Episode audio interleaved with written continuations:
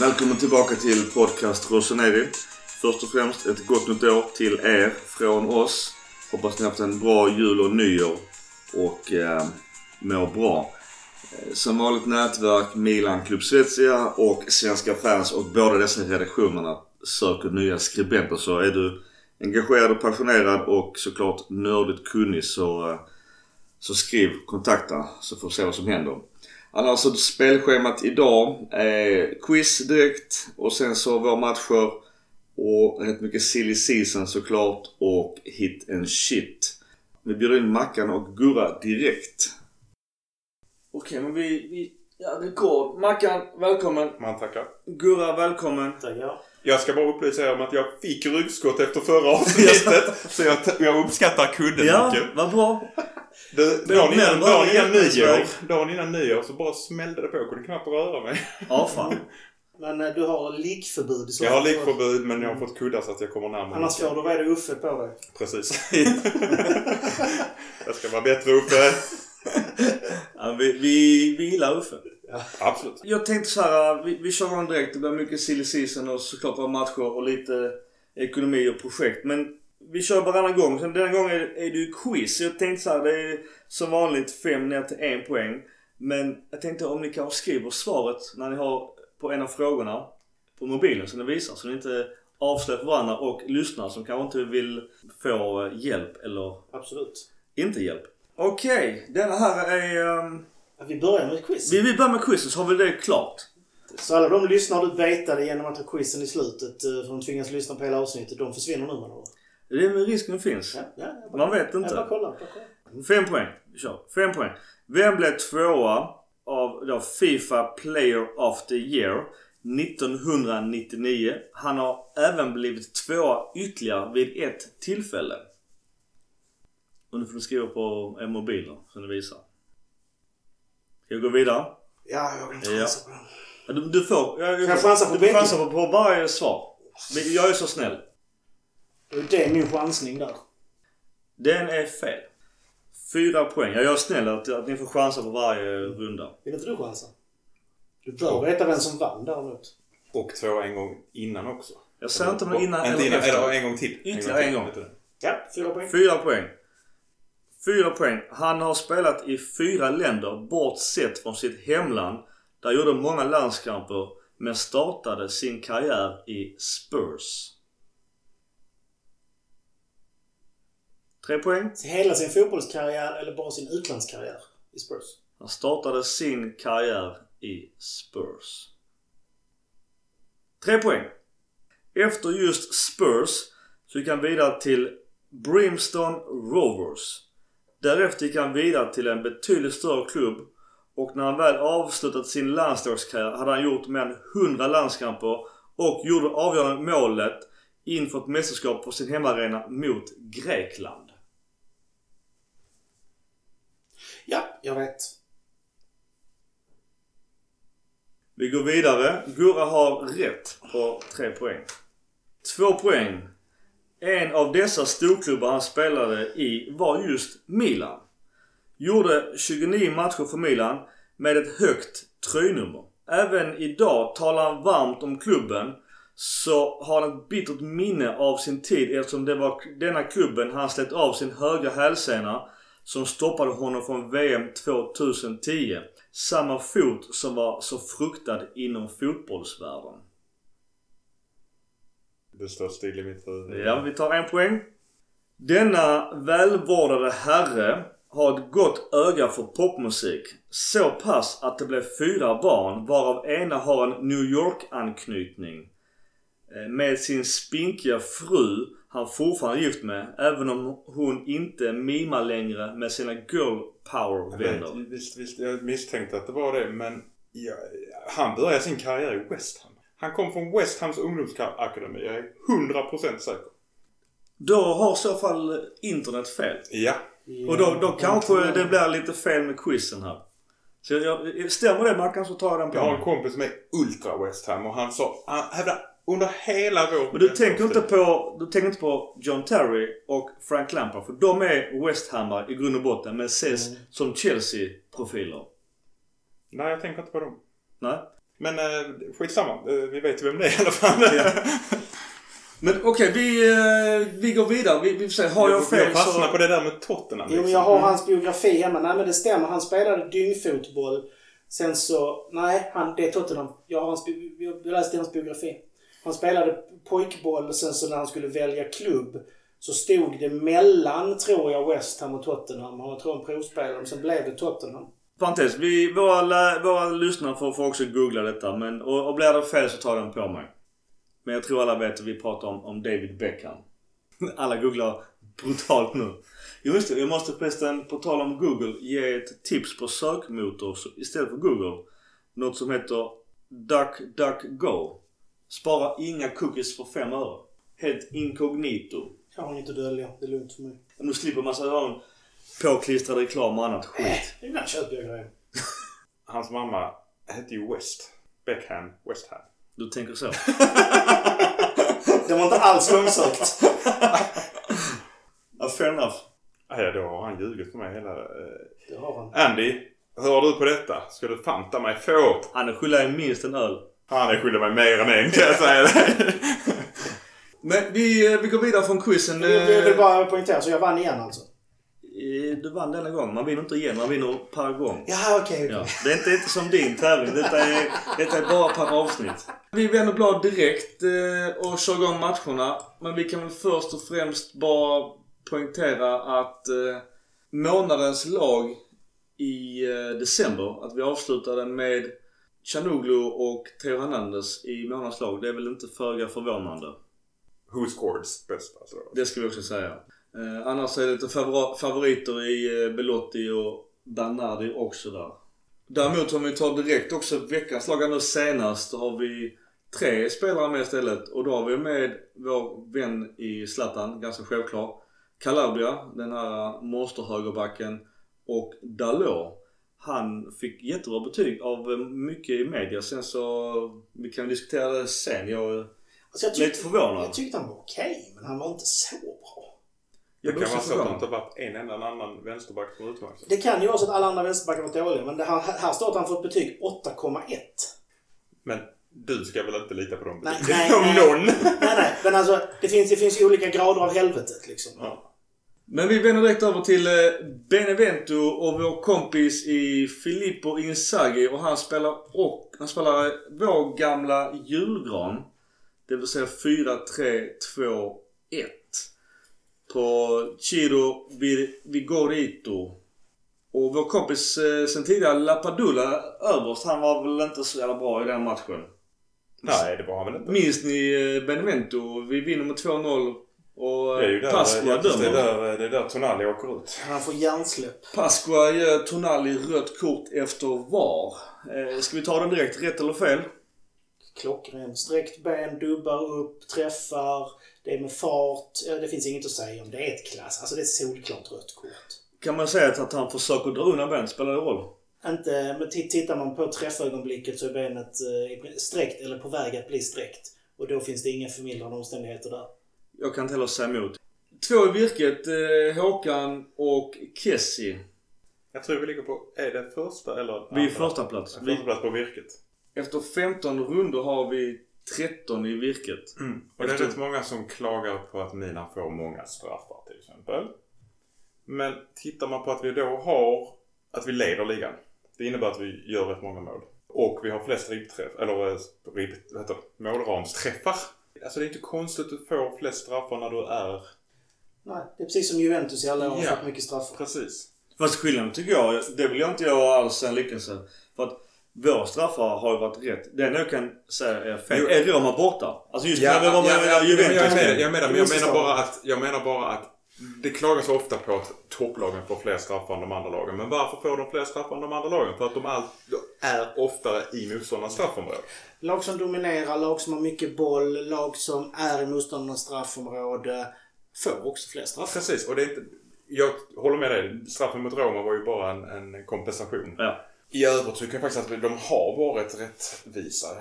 Jag, vet inte om Gustav, domaren, håller med oss. Men Så möjligtvis Theo Hernandez. Eh, Hernandez straffar är till 90-95% korrekta. Problemet är att han ska ha gult kort för att han förstärker. i princip varje gång. Mm.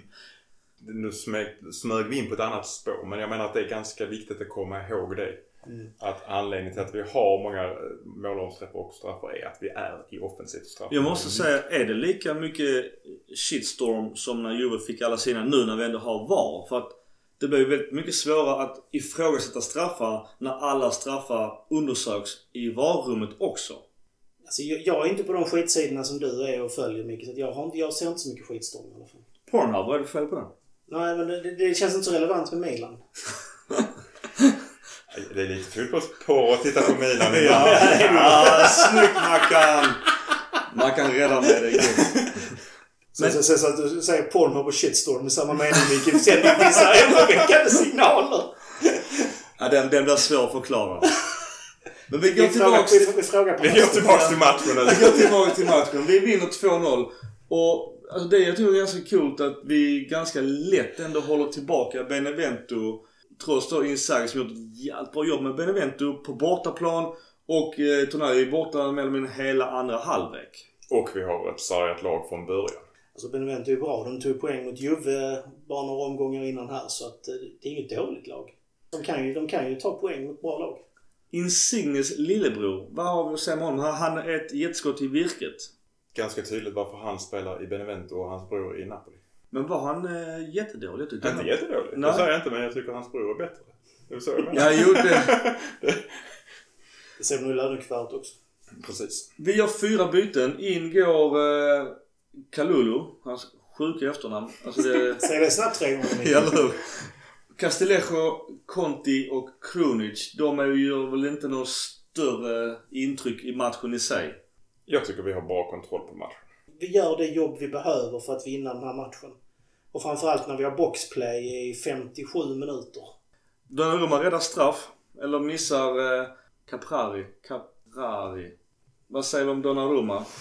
Jag, eh, får, En- en- jag, en du, nolla. jag håller med Zlatan. Han är världens bästa. Just nu är han ju världens bästa. Ja. Ja. Jag har inte sett någon annan fotbollsmatch från Milan så så att jag har ingen aning egentligen. Men det jag ser med honom så, ja han är jätteduktig. Zlatan är ju skön. Det det han sa just till Kalulu, han, han har på sig sina vantar i första matchen. Det är ju fantastiskt. Och det, det är ju sådana smågrejer som ändå gör skillnad tror jag. Alltså, Om inte annat just för inställningen och attityden. Att, att eh, du vet ju Kalulu att ja, men jag kan inte springa runt här med vantar som en byfåne. Utan av med vantarna och... Du menar som på. Som Susu. Han till och med bandypannband nu också. Fast han har gjort sjukt snyggt mål. Men äh, jag minns faktiskt knappt Benevento. Jag vet inte, ska vi vända blad direkt? Ja. Det enda som kan sägas det är just att, jag håller med. Tonali var kort var rött. Det var egentligen, egentligen en diskussion efteråt. Och samma VAR-domare släppte Immobile som gjorde exakt samma tackling som eh, Tonali. Det var egentligen enda snacksen efter just Benevento. På den här stillbilden ska tänker jag inte uttala mig. Går han in med fart, sträckt ben, dobbar och träffar, då är det rött kort. Men har de kollat i varummet så har de gjort en bedömning. Ja, alltså lite bitter för det påverkar ju faktiskt vår match därefter. Det är därför jag är lite bitter. Men det var ju, Tonali var ju klantigt. Och han bad ju också om ursäkt efter matchen. Och Pioli då som en jävla fin kompistränare. Han eh, kramade om honom och så var det nog med det. Och det ska jag säga till de som lyssnar. När ni ser en stillbild på en situation som ser ut som de håller på att döda varandra. Kolla på den rörliga bilden innan ni blir förbannade. Med en stillbild kan man få vilken situation som helst att se ut som värsta överfallet. Jag hoppas inte att varummen tittar på det i, som stillbild. Nej, det kan de inte göra. Nej, nej, men folk som ragear på nätet Ja, ja och det sådär. är klart. det, Ja, det det är bara det jag hoppas att de försöker... se- Jag, givetvis kan de göra det långsammare men... eh, Det innebar ju då att Tonali var avstängd mot just Juventus hemma så vi fick laborera om och eh, Calabria då som verkar kunna spela överallt utom just målvakt. Han går in då bredvid Kessie på mittfältet. Han gör ett supermål. Snacksen är väl egentligen om eh, Juventus ska ha frispark dessförinnan i omställningen. Det var ett jävla gnäll på dem. Jag kan förstå gnället men eh, vad tycker vi som såklart är lite färgade? Är det rätt att släppa det? Det är inte så att jag tycker det hade varit jätteorättvist om det hade blivit frispark. Nej. Sen kan jag förstå att han släpper det Ja. 50-50 som... Man blir lite förvånad att han släppte det. Sen kan jag tycka att, att vuxna män som har axel mot axel ska kunna hantera det. Men nu är det ju fotboll och Serie A och det är ju är egentligen små töser som springer där. Och då, blir det, då, då kastar de sig och spelar på domaren. Och då, då blir det ju frispark så alla blev nog väldigt förvånade att man släppte det. Och sen blev det ju mål i andra änden. Eh, Leao då som jag tyckte var jävligt duktig. Han assisterar jävligt snyggt i Calabria som får ju en jag ska inte säga att det är en felträff men en boll i sidled bredsida i krysset. Det krävs ju Zlatan-teknik för det. Alltså han har rätt bra skott nu för tiden. Ja. Han måste ha övat på det för att det är rätt, han försöker lite Mm. då och då och det är inga dåliga. Nere i långa hörnet. Ja. Klassiskt. Alltså, Calabria nu och Calabria för ett år sedan är ju som natt och dag. Framför allt den här matchen måste vi diskutera vår, vår trupp. För det är ju det som fuckar upp det ordentligt för oss. Vi har ju skador, vi har sjukdomar och på de som kommer in är ju Maldini, Diaz... Snittåldern är 7,8 på de som kommer. Ja, ja. Alltså, Colombo ärligt. och Kalulu. Ja, nej, det håller med. Ja men alltså jämfört de to- Colombo, Ky- eh, Kyatenga, Diaz och Maldini kommer in för oss. Det är väl en egentlig A-lagsspelare där och det är Diaz. De byter in McKennie som är deras superlöfte. Och så Demiral, Kulusevski och Bernadeschi. Alltså det är, no, alltså det är lite skillnad, kvalitetsskillnad där. Det de byter in har ju ett transfervärde på mer än en miljard. Och vi har väl... Ja, vi har ju... 5,50 och en backless. Ja men lite så. Och jag, jag tycker ändå att vi hemma står upp. Nu gör ju just Chiesa som också är en dyr spelare två fantastiska mål och Dybala som inte är min favorit gör två assist. eh, Ja, det, det, klacken är riktigt snygg. Ja. Jag tar emot att säga det men jag håller väl med. Det var väl Capello som sa att det är inte Romagnolis fel utan det är, det är Dybal- Dybalas mål. Förtjänst, ja. Det är förtjänst. Det är inte, Mm. Jag tycker faktiskt inte att Romagnoli ska... Möjligtvis skulle Hernandez täckt Mm. Chiesa bättre där. Men Capello är lite på och ger både en släng till eh, Romagnoli och eh, Teo försvarsspelet. Kanske, kanske egentligen mera på andra målet. Men där är fortfarande, jag tycker att Hernandez är betydligt bättre defensivt när han har Rebic framför sig. Ja. Det är han absolut. Och sen så är inte Romagnoli där Romagnoli var innan skadan.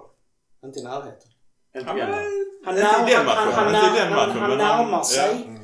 För att, att vara på den nivån, det är inte att vara bra då och då, utan det är att hålla en konstant hög nivå. Däremot om vi då ska jämföra med andra sidan så tycker jag ju vår högersida har bra koll på Ronaldo. Han Jag kommer inte till något avslut i princip. Ronaldo var ju helt blek. Och han var ju lika blek nu här i helgen mot Inter. Sen så säger jag med den här matchen, eh, nu ska jag svära lite i kyrkan, jag tror faktiskt det var bra att en förlust kom för, för, för, för fortsättningen. Det var ju bra på sätt och vis att den kom mot Juventus och inte mot ett sämre lag. Om man nu får... Som vi sa, ett sexpoängslag. Ja. Vill vi inte förlora poäng, poäng Nej, men på något sätt, det kändes lite grann som... Jag hade bara, har bara fått känslan att laget kändes bekvämt. Vi behövde inte spela jättebra, vi vann ändå. Men Det här- det här men blev tyckte ett jag inte vi spelade dåligt. Nej, nej, nej, det är inte det jag säger. Men det är bra ändå att det kom en förlust för att då vaknar man. Prestationerna efter denna matchen är ju på en helt annan nivå igen. Nu uppe på den höga nivån igen. Det här var lite väckarklockan. Så det är svårt att jämföra också en match mot Torino och en match mot Juventus, tycker jag. Alltså, Jag tänker på jag inställningen. tycker nästan vi spelade bättre här. Det gjorde vi. Jag med. Jo, jo, jag säger inte att vi spelade dåligt här. Men det var bra ändå att det kom en förlust. Ja, jag, jag förstår, jag förstår hur du tänker, men jag håller inte med. Jag, jag kan någonstans också tycka att eh, vi, vi kommer förlora förr eller senare som jag sa. Bättre mot ett lag. Nu är det kanske så topplag i sig. Men mot ett lag som vi ska ha 6 poäng mot. Men jag tycker också att även med våra förutsättningar som var jättepåverkade med skador och sjukdomar etc. Jag tycker vi står upp mot Juventus. Det är 3-1 och det är ju tre egentligen mästerliga insatser. Men, av individer. Men jag tycker lag mot lag så tycker jag att det är ganska jämnt. Jag tycker vi står upp ganska bra. Jag tycker faktiskt att spelare som Ja, alltså Calabria, Håkan och Leao tyckte jag ändå verkligen höjde sig. Och sen så vann ju för en gångs skull, eller vi, vi, för en gångs skull förlorade vi ju målvaktsmatchen. Chesney är ju fantastiskt duktig. Ja, han gjorde många räddningar där va? Men jag tänkte på matchen i sig. Irati då, eh, domaren, han gör väl inte något... En jättematch. Eh, Jag hänvisar speciellt till Diaz som är fel i straffområdet. Ingen var på den verkar det som, eller de sket i det. Men i synnerhet då Bentancourt skulle haft ett gjutet andra gula kort. Inget var på den. Eller så sket de i det. Det är ju så, det är ju varkollat eh, om man bedömer att var, att VAR går ju in om domaren bedöms att inte ha sett situationen eller gjort ett allvarligt fel där det skulle blivit ett rött kort i situationen eller det resulterade i mål eller straff. Gult kort och när domaren har, har sett situationen, där, där kör inte VAR över. Ja men VAR, vi pratade rätt mycket om det sist. Och någonstans när vi anfaller. Bentancourt har gjort en solklar frispark. Han har redan kort, han har redan hängt på låset tidigare. Varför blir det fördelar till oss och varför kan man inte... Han har ju inte, han har inte sett det. Han har missat detta kort och det är ganska avgörande. Varför kan inte VAR gå in och ta ett kort på det? VAR går in om domaren inte har sett det. Jag höra precis, men var, var, alltså varför, varför får vi fördel? Fördelen är för att antagligen hade vi en frispark i situationen. Men domaren bedömde inte att det var ett gult kort i situationen. Alltså, där borde Milan-spelarna bara, bara så slängt ut, slängt ut bollen på inkast. Bara, nej men... Det här. Men det hade inte spelat någon roll för domaren har bedömt att ha sett situationen. Men alltså var granskningen ska väl vara om det skulle kunna vara ett rött kort och det här var väl i så fall ett andra gult. Ja men, ja, men det, det, det, är inte, det är inte samma sak. Det är grov utvisning som det gäller. Ett gult kort är ju ett gult kort. Ja det är det jag menar. Men det var det jag menar. Ja. Där ska kanske inte VAR gå in överhuvudtaget. Eftersom Nej. det är ett gult, andra gult kort. Mm. Hade det varit ett direkt rött så kanske VAR skulle gå Då hade. VAR kommit in. Hade det suttit dubbar i vaderna Mm. smack. Då tycker jag VAR används fel återigen. För att detta är helt matchavgörande, kanske. Bentancourt, han blev utbytt. Pirlo fattar ju det, vår gamla kompis. Bentancourt kommer inte kunna eh, andas på när han spelar. Då åker han på kort direkt. Om man nu ska dra en jämförelse med Sädemarker som var dum i huvudet i sista matchen vi spelade nu. Tycker jag Sädemarkers andra gula kort är en mindre gult än Bentan- Bentancourts. Bentancourts gula kort är solklart. Ja men det andra gula. Ja, det, ja, ja. ja men det är, Mm. det, det, ja, är solklart. Alltså jag tog till och med en bild på det. Han, han till och med tog upp handen och ber om ursäkt bara så Mm. Fan, nu åker jag ju. Han vet om det. Och alla vet om det. Men det sjuka är att det händer ingenting. Och det, det gör mig lite förbannad för att det hade kanske varit en livlina in i matchen. Men här har vi också en lite grann en prestigegrej som jag pratat om innan hur domare agerar i olika länder. I Sverige till exempel så kan jag garantera att assisterande där nere som hade varit närmst hade kallat ut honom efter och sagt du, eh, där tyckte jag det var gult för att han, han har sett situationen. Eller han har i alla fall diskuterat det. En fjärdedomare står på mitten. Ja men fjärdedomaren har full koll på annat där. Men troligtvis så den släpande assisterande ska se den situationen och i alla fall ta en diskussion med huvuddomaren. Det, det är ett gult kort. Vad är det på vårt mittplan också? Så att, så det, ja, det är trist att det inte blir, men trots allt är det bara en frispark med en varning. Det är inte ett... Även om det varningen i sig hade lett till något mer, så situationen i sig är ju bara en taktisk frispark, gult kort. Ja men det är fortfarande ett rött som kan ändra hela matchbilden. Jo, men situationen är inte röd. Det är följden av den och Ja men det spelar ingen roll. Alltså, det, är- det, är- alltså två Ja, ja. kort blir rött. Alltså det är ju ett plus ett. Det är ju... Jo, Jo, jo, alltså, Ja. Men jag förstår varför VAR inte går in och tittar på Ja. det. Men hade han fått det och det hade varit rött så hade jag nog också trott... Jag säger inte att Milan hade vunnit. Absolut inte. Det hade ju ändrat matchbilden. Det hade... Irati måste ju ha fått en tänkställning när- Pirlo minuten efter bara så Du Bentancourt, kom nu! Alltså du tittar inte mot någon. Gå rakt ut för annars kommer du kommer ta ett snedsteg och maska så får du kort direkt. Sen är det lite lustigt den här situationen för att vi klagar på millimeterrättvisan för det finns ingen känsla, det finns ingen fel. Och här gör domaren ett, ett, ett, ett beslut som ändå bygger lite grann på hur han ser det och känslan. Då är det också fel. Alltså, Men han bygger inte, han har ju inte sett. Han har inte sett det. nej. Så han kan ju inte bygga ett beslut på något han inte har sett. Men när man går in och kollar millimetersituationer, då jäklar. Då är det också fel. Ja, men fel, fel, fel och rätt är rätt och jag... Absolut. Alltså alla har rätt till min åsikt och jag säger att det här var fel. Likt som Lazios straff mot oss var fel. Inte enligt regelboken, men visst. Enligt din magkänsla, okej. Ja, nu, nu ska vi inte peta i detalj svart och vitt. Har vi något mer att säga om Juventus eh, och Pirlo som har fått en ganska tuff start i sitt Juventus? Jag tycker Pirlo gör ett skitbra jobb. ja, Jag förstår inte varför folk klagar. trojansk häst. En match mindre spelare vi väl också komma ihåg. Ja. Så vi får räkna på sju poäng efter. Ja, sen inte det. Det var ju Napoli. Ja, men... Ja, utslaget. Men bara teoretiskt sju poäng efter. Plus målskillnad. Åtta. Många tyckte ju det var jättebra att Inter vann mot, mot Juventus för att de tror att Juventus är en större, ett större hinder för att vi ska kunna vinna någon, någon scudetto. Eh, Jag är... Kryss är ju Alla, men det är bara för att alla tänker så oh, Inter får sin eh, vintersvacka. Som de får efter varje. Men det är ju ingenting som säger det. Skulle Lukaku bli skadad eller sjuk Då vet jag fan hur Inter klarar sig. De har jättebra trupp. Även nu det verkar vara... Även Inter verkar vara kaos just nu. det. Byter logga och vi ska in med investerare. Ja, det verkar med lite svenskt cirkus. hörde jag. Ja, Ett svenskt eh, investmentbolag som ryktas köpa upp det. jag delar av det. Ja. Ja, det var mm, 90% tror jag. Oj, så mycket? Var det inte det? Jag jag ska låta det vara osagt. Men deras nya logga, det är... Det är inte säkert att den ser ut så som den var Nej, alltså jag har Men Det var i hört- mars någon gång det skulle Ja. komma ut. Jag, jag har sett två olika varianter på det. Och, och jag har hört allt från att man får Transformers-vibbar, eller Metallica-vibbar, eller till och med lite sådär äh, bruna vibbar från äh, 40-talet. Den kan, den kan inte bli värre än Juves. Nej. Alltså, Utedasset. Jag undrar om Juves har varit... Alltså, det är ju jättesvårt att mäta det, men om de ser det som en framgång. Jag fattar inte, den är så det, full. det är J. Ja, men alltså, jag, alltså, jag förstår att du kanske gör det där jeep och så har du dessutom jeep som, eh, som huvudsponsor som ger mycket pengar. Det kommer jag kanske ta in på Mm. Ja. sen. Men jag tror att jeep ger 45 miljoner per år. Men jag kan tycka att man, om man vill ha in ett J, som då Jeep i Juventus. Jag fattar J-kopplingen. Men måste man göra en logga som en toalett? Alltså det måste ju finnas någon bättre grafiker som får massa pengar för att göra något annat än Hej, här är en toalett. Varsågod. Men hur kan de annars bättre beskriva att de är ett skitlag? alltså... Återigen förstår jag inte vad du klagar på. ja, det är sant. Det är Det sant. var ju något lag i England som bytte logga. Var det? Wolves. Var det Wolves? Wolves. Det var också något... Det var eh, någon som hade, hade, du vet han hade lagt ut, han har sparat hur mycket pengar som helst för att tatuera loggan på hela ryggen. När han precis han är klar, säsongen efter byter de logga. Undrar om han är nöjd då. Det är typ Swans. Ja, det var, jag kommer inte ihåg tror lag det det är var. flera UK-lag som har gjort detta. Alltså det var någon Ja, till som till och med alltså det- bytte färger. För någon, någon kinesägare bara, nej men Thailändska. Thailand, För, ja, bara, för um, där han ville ha rött. De alltid... Det gjorde de med Cardiff.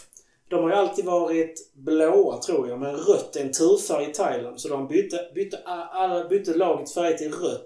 Vilket då var samma som deras, det andra lokallaget. Jag kommer inte ihåg vad det heter. Så det var ju så nu helt plötsligt bägge lagen i staden röda tröjor. Men, Car- men fansen vägrade på sig röda tröjor som hade fortfarande blått. ja, det är helt rätt. Ja, Det var total kaos. Helt rätt.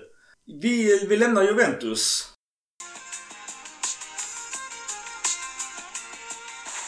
Och går in på våra dubbelmöte mot eh, Torino. Och först i ligan är det hemma. Eh, Maresca dömer. Där är fortfarande Gianpaolo tränare. Han har det inte gått så bra för sen våra dubbelmöten. Han fick väl sparken efter cupmatchen. Vad tycker vi om den matchen? 2-0 Ja, hemma. här börjar man märka att Diaz är mer inspelad i hur vi vill spela. Han lyfter blicken, borrar inte ner och försöker dribbla fyra spelare själv. Jag måste säga att eh, jag, jag har varit kritisk mot honom. Jag Ja. tycker han eh, spelar mycket bättre nu och i matcherna efter denna. Kritisk med all rätt ska sägas. Men jag sa i förra podden att han kändes väldigt, han kändes tunn på något sätt på planen. Lite grann som jag sa om Selemakers också i början när han kom och det första men Diaz har växt. Han gör inte den här extra onödiga dribblingen längre. Sen är han ju liten. Det märks ju så fort det blir närkamper så han flyger utan att det är oschysst. Ja. Alltså, Jag menar inte tunn i storlek utan tunn i spelet. Ja, nej, jag förstår vad du menar men jag tänkte bara att det, det märks ganska tydligt om man då ska jämföra honom med Hakan som faktiskt också blir hårt uppassad. Han står ju mycket längre. Ja. Och får förmodligen därmed fler frisparkar med sig när han väl trillar. Men Diaz eh, är ju ändå en jätteteknisk spelare som ändå kan helt plötsligt få yta som gör att, eh, likt han nu med, med Leao. Han, han, han tog emot bollen och vände på fel håll. Helt plötsligt så hade han 50 meter till godo. Så att han, är, han har ju enorm teknik. Och jag vet, det har ju också kablats ut om man ska tro rykten att Malini har fått massa erbjudanden på AMC-spelare som de har sagt nej till för att de vill behålla Diaz och och vill satsa på honom. I synnerhet om då inte Hakan stannar. Så är ju Diaz en spelare de vill ha även om han har ganska dyr prislapp om man ska tro Real Madrid. Den eh, straffen, vad säger du? Belottis. Eh, det är Belotti som fäller Diaz. Den, den tycker jag är lite diskutabel. Jag, jag hade inte blivit jätteupprörd om det inte hade blivit. Han kommer ju in sent. Han är på honom. Knä mot knä är det. Därför han får straffen för att Belottis knä träffar hans knä. Och då är det ju det, det är kroppskontakt det är i straffområdet. Då är det en direkt frispark. Eller direkt frispark var som helst på planen. I straffområdet är det straff. Läser du regelboken så är det inget att säga om. Sen återigen kan vi prata om det här med att Diaz körde under svanen. Men att det är straffel. Man kan ju också fråga vad gör Belotti och försvarar vid, vid den linjen? Han borde ju veta bättre. Ge oss en straff. ja, ja, han vill till Milan. Jag tycker, ni- alltså idag klagar ni på helt fel saker. Att Juve ligger tia. Att, att de har en logga som ser ut som ett skithus. Att Belotti ger oss en straff. Var, var är prioriteringarna grabbar? Men Tonali är tillbaka i denna matchen. Eh, Benazer är fortfarande skadad. Eh, Vad säger vi om Tonalis insats mot Torino? Jag tyckte han var stabil. Alltså här började han visa lite här förra egenskaper. Han tog, tog emot bollen, bra blick, fördelade. Han är, har fortfarande en bit kvar, det ska jag inte säga någonting om. Men jag tyckte det här var första steget när man såg att nu, nu börjar han känna sig bekväm. Annars så vår eh, gamla vänsterback i Rodriguez har en boll i virket. Eh, annars deras tia också en gamla Milan-spelare från ungdomstiden i Verdi. Han hade väl ingen större afton. Ska vi, om vi klumpar båda Torino-matcherna. Vad ska vi säga om de här? Det, det är lite, de, de ställer ut skorna i kuppen och det blir straffar. Men, men har, finns det några likheter i matcherna? Förutom då att Donnarumma får rött kort och inte kan spela kvarten mot Inter. Snackade han sig till sig någonting på, lek- på det? Ja, Han var väldigt förbannad. Först får han gult ja, och sen så snackade han till sig ytterligare ett gult. Och, och en grej som skiljer det är ju att, jag Zlatan är ju tillbaka men, men att Musacho som vi har slängt mycket skit på han tyckte jag ändå gjorde en, en som Gurra säger, habil, habil insats. Det är svårt att bedöma försvarares prestationer om vi inte blir utsatta för något offensivt spel i princip. om man nu ska vara lite hård mot Turin. Ja, de försökte ju inte ens Turin. De gick ju nästan in för att möta oss på straffar. Ja, det var, redan innan matchen kom det ju ut att Torino inte ville vinna för de ville inte gå vidare för de var tvungna att satsa på Serie för att behålla Mm. sin plats i Serie. Och det kan ju inte vara bra för moralen i laget om det kommer ut i Nej. media innan. Nej. Sen är det lite rykte också på spelare just från Torino till oss. Nu blir det ju en som vi kan ta sen. Ja, Belotti kom in i 90 och det var ju nu mest för att de ville slå en straff men... Eh, Men om vi tar första matchen i, i, i ligan. Det var väl där eh, Tonali blev orsakade straff som blev bortdömt efter VAR-granskning. När han springer bara bredvid och de försöker skjuta och han skjuter upp. ja just det, ja. Ja, ja. det stämmer ju. Han blev skadad. Han, men Tonali blev ju skadad, det är därför han blev utbytt i den Mm. matchen. Ja, men, jo, men det är det att han sparkar ju honom på vad? där förstår jag verkligen varför domaren dömer straff. Ja, ja. Det tyckte jag också när jag såg det först. Men här blev det ju faktiskt rätt. Ja. Där är ju VAR bra. Off- Ja, off- offensiv foul som det heter i handboll. Ja, men jag gillar ju VAR men jag tycker att de ska inte börja peta i det för mycket. Men detta var ju en straffsituation och de tar ju VAR på straffar. Det var, annars var ju deras målvakt Ivanja Milunkovic Savic, han var ju rätt full I cupmatch- bus. i cupmatchen. cup- i cupmatchen nu ja. Uh, Sidi stod ju annars men, men han eh, sprang runt och skrek jävla massa fulord på serbokroatiska och synd inte med straffarna. Han, han fick ju även tillsägelse för att han skulle vårda sitt språk. Och att han även stod och hoppade i, eh, för att slå till ribban för psyka. Eh, Stor. Stor kill. Han även, nu åkte inte stillbilder men han, han, vad ska man säga, gjorde en dansk skalle på Leao som föll som en döende svan som vissa vill ha till straff i matchen dess, jag vet inte om det var, vilken av matcherna det var men nu det blev det inte straff helt enkelt.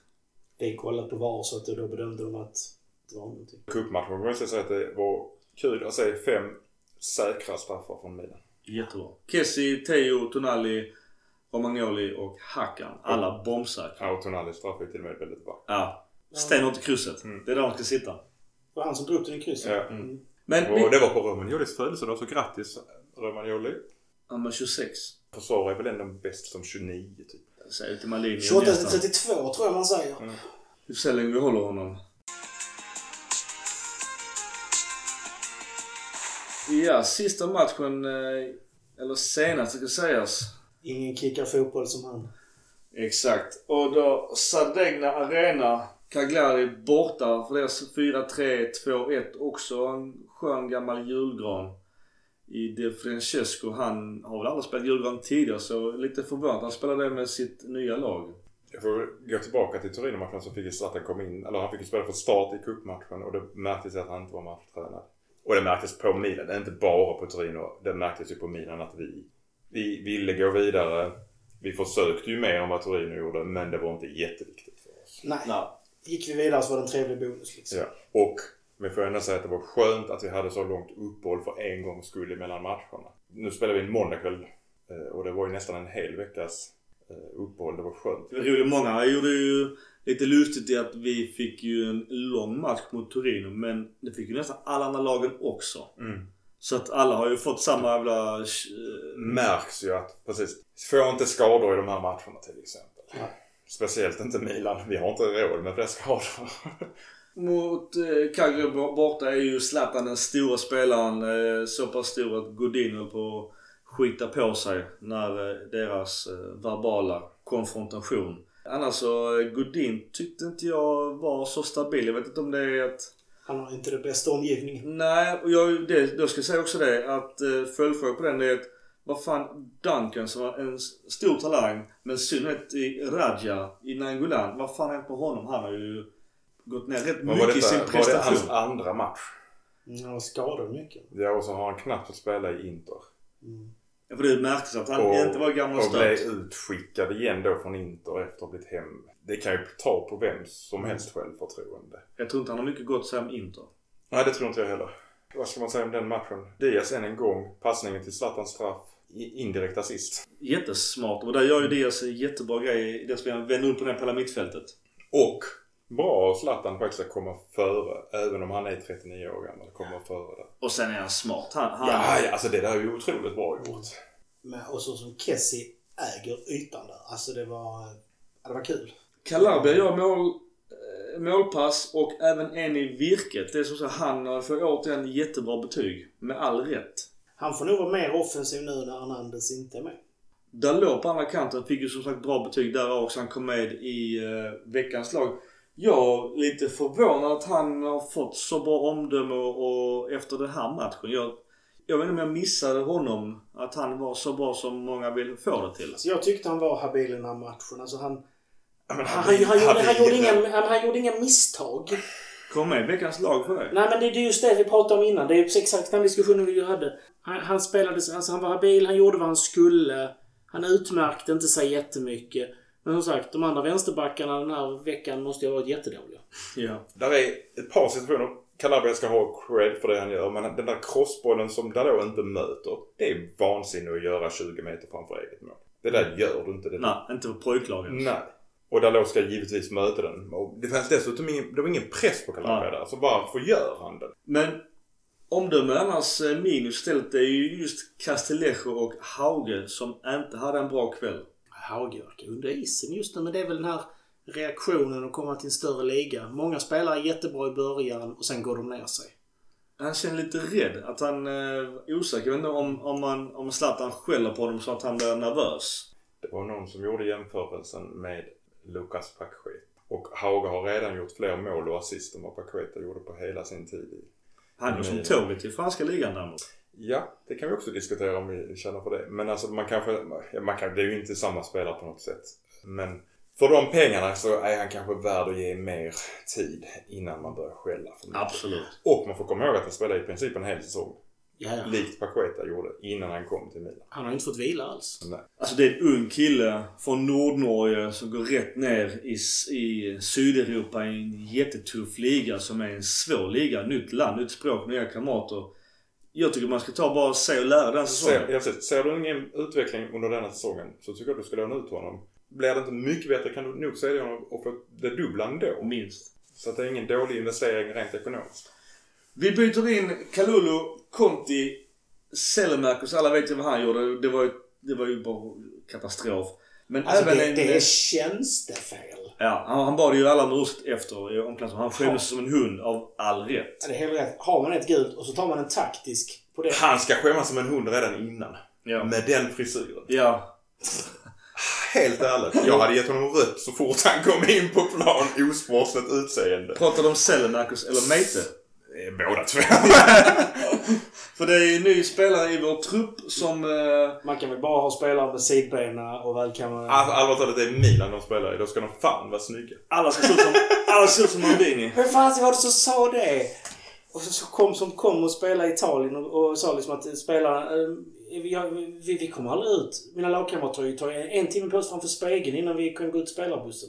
Han har suttit, han har suttit och väntat jättelänge. Det var- någon engelsman som var nere och spelade. Men det är lite så, Freddie Ljungberg var ju den som satte den trenden även i Premier League. Innan dess var det ju, alla gick runt i svettiga träningskläder ju. Men så började han köra sin lite eh, manliga Porsche-variant ju. Och sen tyvärr så blev det ju lite en stil och folk började anamma. Ja, skulle jag träna skulle jag ha kostym. Men i alla fall, Pioli ser en propert tycker jag. Fan man skriker. Jag älskar det. Vem är det som sitter bredvid honom? Det är inte, är, det är inte Bonera va? Utan det är... Alltså han, han som ser likadan ut, det är, Ja. ju andra, det är ju andra tränare. Ja. Ja. De har spelat tillsammans också. Jag trodde, jag, jag var ju först osäker när jag bara såg det lite snabbt. Vem av dem är Pieri? Jag vet inte om du kommer ihåg när Pioli fick covid-19 så sa de att det är tur att vi har en klon. Ja. De, de är så lika Morelli och Pioli alltså så att... eh, Det är Ja. kul att se när de sitter bredvid varandra på bänken. ja. Men i alla fall, Zlatan är ju såklart den stora behållningen i den matchen. Hans två mål. Ja, det är, det är som jag sa innan, ingen kan fotboll som han. Väl, väl, välkommen tillbaka liksom. Contis eh, farvälframträdande. Förmodligen. Kanske. Ja, han är ju bara utlånad. Inte såld. Så det får vi väl se vad som händer. Men... Men det var, på tal om anfallare och Zlatan. Pavoletti kom in och det är också en spelare som har ryktats bli erbjuden till Milan som Milan tackat nej till. Eh, Det var, han gjorde väl inget större ifrån sig. Man får tacka Milan nej till honom då. Ja. För att de har en annan anfallare Ja. som är klar. Ja. Så att, nej, Zlatan man of the match. Smarta byten där förutom att Sädemakos i denna matchen kunde Haga få gå till slut om nu Sädemakos ändå inte var helt fit Mm. för att börja. Eftersom vi hade rätt så bra kontroll på matchen. Vårt senaste nyförvärv Meite kom in. Jag tyckte det såg bra ut det lilla han, han göra. Han verkar vilja ta åt sig eh, och ta för sig. Ja, bollsäker och, och offensivt. Vänder gärna uppåt istället för bakåt. Även om vi hade en man mindre. En anti-Biglia. Såg ni hur stark Kessie var vid, vid hörnorna som vi, när vi försökte slösa tid? Ja, det går inte att ta bollen. Ja, men Det gick ju inte att ta den från honom. Vi eh, slutar matcherna. Det har ju släppts siffror på Milans ekonomi säsong 1920. Ingen rolig läsning vid första anblick. Eh, Det är den största förlusten någonsin i Milans historia. 192 miljoner euro minus. Oh. Win! Eh, 18-19 var med förlusten 143 miljoner. Man kan jämföra eh, med några andra Serie A-lag så har Roma gjort mer minus, 204 miljoner. Inter 102 och Juve 90. Milans sammanlagda skuld, eller minus, på de senaste sju åren, vet ni vad det är? Vågar, vågar vi veta? Vad sa senaste? De senaste sju åren, hur mycket pengar Milan har gått minus? En miljard? 735 miljoner euro. Åh. Det är tur att Elliot går bra, men nu är det Ja. tider. Och det finns ju diverse förklaringar. För övrigt så kan jag säga att vi har snott alla siffrorna från The Swiss Ramble. Det är jättebra fotbollskonto med, när det gäller ekonomi för fotbollsnördar. Jag ska lägga ut faktiskt också på, för att det här är ingenting som jag har undersökt själv. Va? Det du inte erkänna. Jo, det måste man. Credit where credit's due, eller vad är det du brukar säga? Eh, TV-rättigheterna har gått ner. Eh, 2019 var det på 60, 2019-20 63 miljoner eh, jämfört med säsongen innan på 105. Och det beror till största delen på att det fanns inget Europaspel. Vi tjänar inga TV-rättigheter på Europaspel. Men även eh, att te- TV-rättigheterna har omförhandlats något på grund av Corona. De inhemska har också gått ner.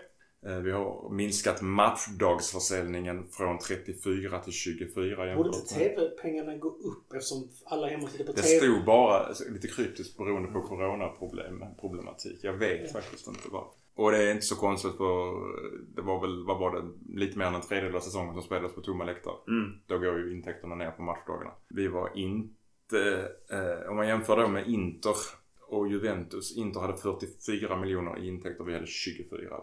20 miljoner euro, rätt mycket pengar för den. Och Juventus hade 49 miljoner.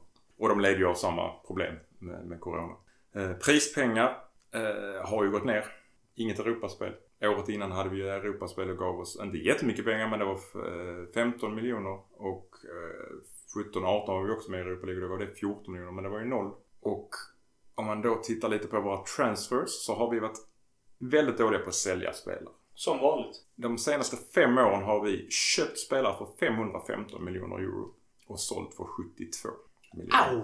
Vi kan inte skylla någonting på den ledningen som har idag. För att vi har inte haft spelare som gick att sälja. Nej. Vi har värvat avdankade spelare med hög lön som inte går att sälja. Som gärna sitter kontraktet ut. Alltså just... Eh, så, ja. Montelivro. Alltså, Ja, för Sony med mobiletiden. Alltså Kessie... och det kommer även från Berlusconi. Alltså redan Ja. innan där. Så att Ja, men Kies är egentligen den enda som har varit, vad jag rak arm kan säga, har varit jättebra. Och hållit sig som en startspelare. Och Hackan, tycker jag, numera. Ja, nu, nu ja. Men, men båda, första... två, båda två numera. Ja. Alltså man räknar på transferskuld. Det senaste året har det ju sänkts att vi har haft nya managers som gör Alltså vi, vi får inte glömma bort att eh, Leo gjorde ett par dunderaffärer som var riktigt dyra också med Piontek och Paqueta till exempel. Så det senaste året då har vi ju utan Leo en transferskuld på 20 miljoner euro. Brutto är den på 76 men det är vad vi är skyldiga andra klubbar. 76 miljoner men då är andra klubbar skyldiga oss 56. Så att det är brutto, eh, netto är det 20 miljoner euro vi är skyldiga andra. Juve har då en bruttoskuld på 301 miljoner så att de har ju högre, betydligt högre. Mm. Vi har eh, inkomster från lån som ligger på näst högst i Serie A. 8 miljoner euro har vi fått in på lån så det är något positivt. Det ligger högt upp på den. Lönerna har gått ner med 13% med 24 miljoner euro. Också aktivt då på grund av hur vi värvar och vad vi gör oss av med. Mm. Biglia. Eh, De kommersiella inkomsterna det är ju sponsorer framförallt. Eh, I, i 2019-20 var 77 miljoner euro. Och det är väl en ökning med 1 miljon euro från året innan. Juventus har ju då 186 miljoner. Så det är mer än 100 miljoner mer. För hur mycket fet du, Det gick, dopar... det gick 45 miljoner. Ja, okej. Och det är i samma bolag. Ja. Alltså, Inter har 142 miljoner. Fly Emirates ger numera 10 miljoner euro per år. Innan de gav det 14. Men nu är de inte längre exklusiva tröjsponsorer. Så vi får ha andra sponsorer på våra tröjor. matar en massa skit. Det Jag ska se ut som en allsvensk hockeytröja. Och ja, alltså, man Ja. märker ju att vi har gjort ett, ett, ett skifte i hur vi tänkte under Berlusconi-tiden. Vi hade exklusiva sponsorer som skulle ge mycket pengar. Ett fåtal. Och man märker att vi hela tiden skriver nya sponsoravtal med mindre aktörer nu. Därmed tycker jag ju personligen inte att Milan ska ha klottrat med, med sponsorer på sin tröja. För det är smålagsvarning på det. Napoli har ju... Rörläggaren på rumpan till Ja, exempel. precis. Men Napoli har ju till och med två på magen. Ja. Vilket är ganska konstigt. Men ofta har man ju alltid en. Sen så kan jag tycka någonstans att ja men du skulle kunna haft en i svanken som vissa allsvenska lag har. Men ja, jag förstår. Jag håller med dig. Jag vill ju knappt ha reklam alls. Likt som Barcelona haft i många år. Men ja, alltså business är business. Det här kontraktet, vi ser ju inte kontrakten hur de ser ut. Så vad, vad händer med Fly Emirates om Milan kvalificerar för Champions League? Höjs den summan då? Det hoppas jag och antar att vi har varit så duktiga på att skriva ett sånt kontrakt. Skulder. Milan som klubb har 115 miljoner eh, euro i skuld. Och det, jämfört med året innan har det höjts något från, från 96 miljoner euro. Och alla skulderna är till Unicredit Bank som är kopplade till Elliot. Så, att, vi är eh, skyldiga oss själva pengar. Ja. Eh, vi betalar, betalade ränta på 6 miljoner euro på det lånet. Och under kinestiden så hade vi det sista året 220 miljoner i skuld. Så att vi har ju sänkt skulden ganska duktigt på de här två åren som Elliot har haft. Vill ni veta Interskuld?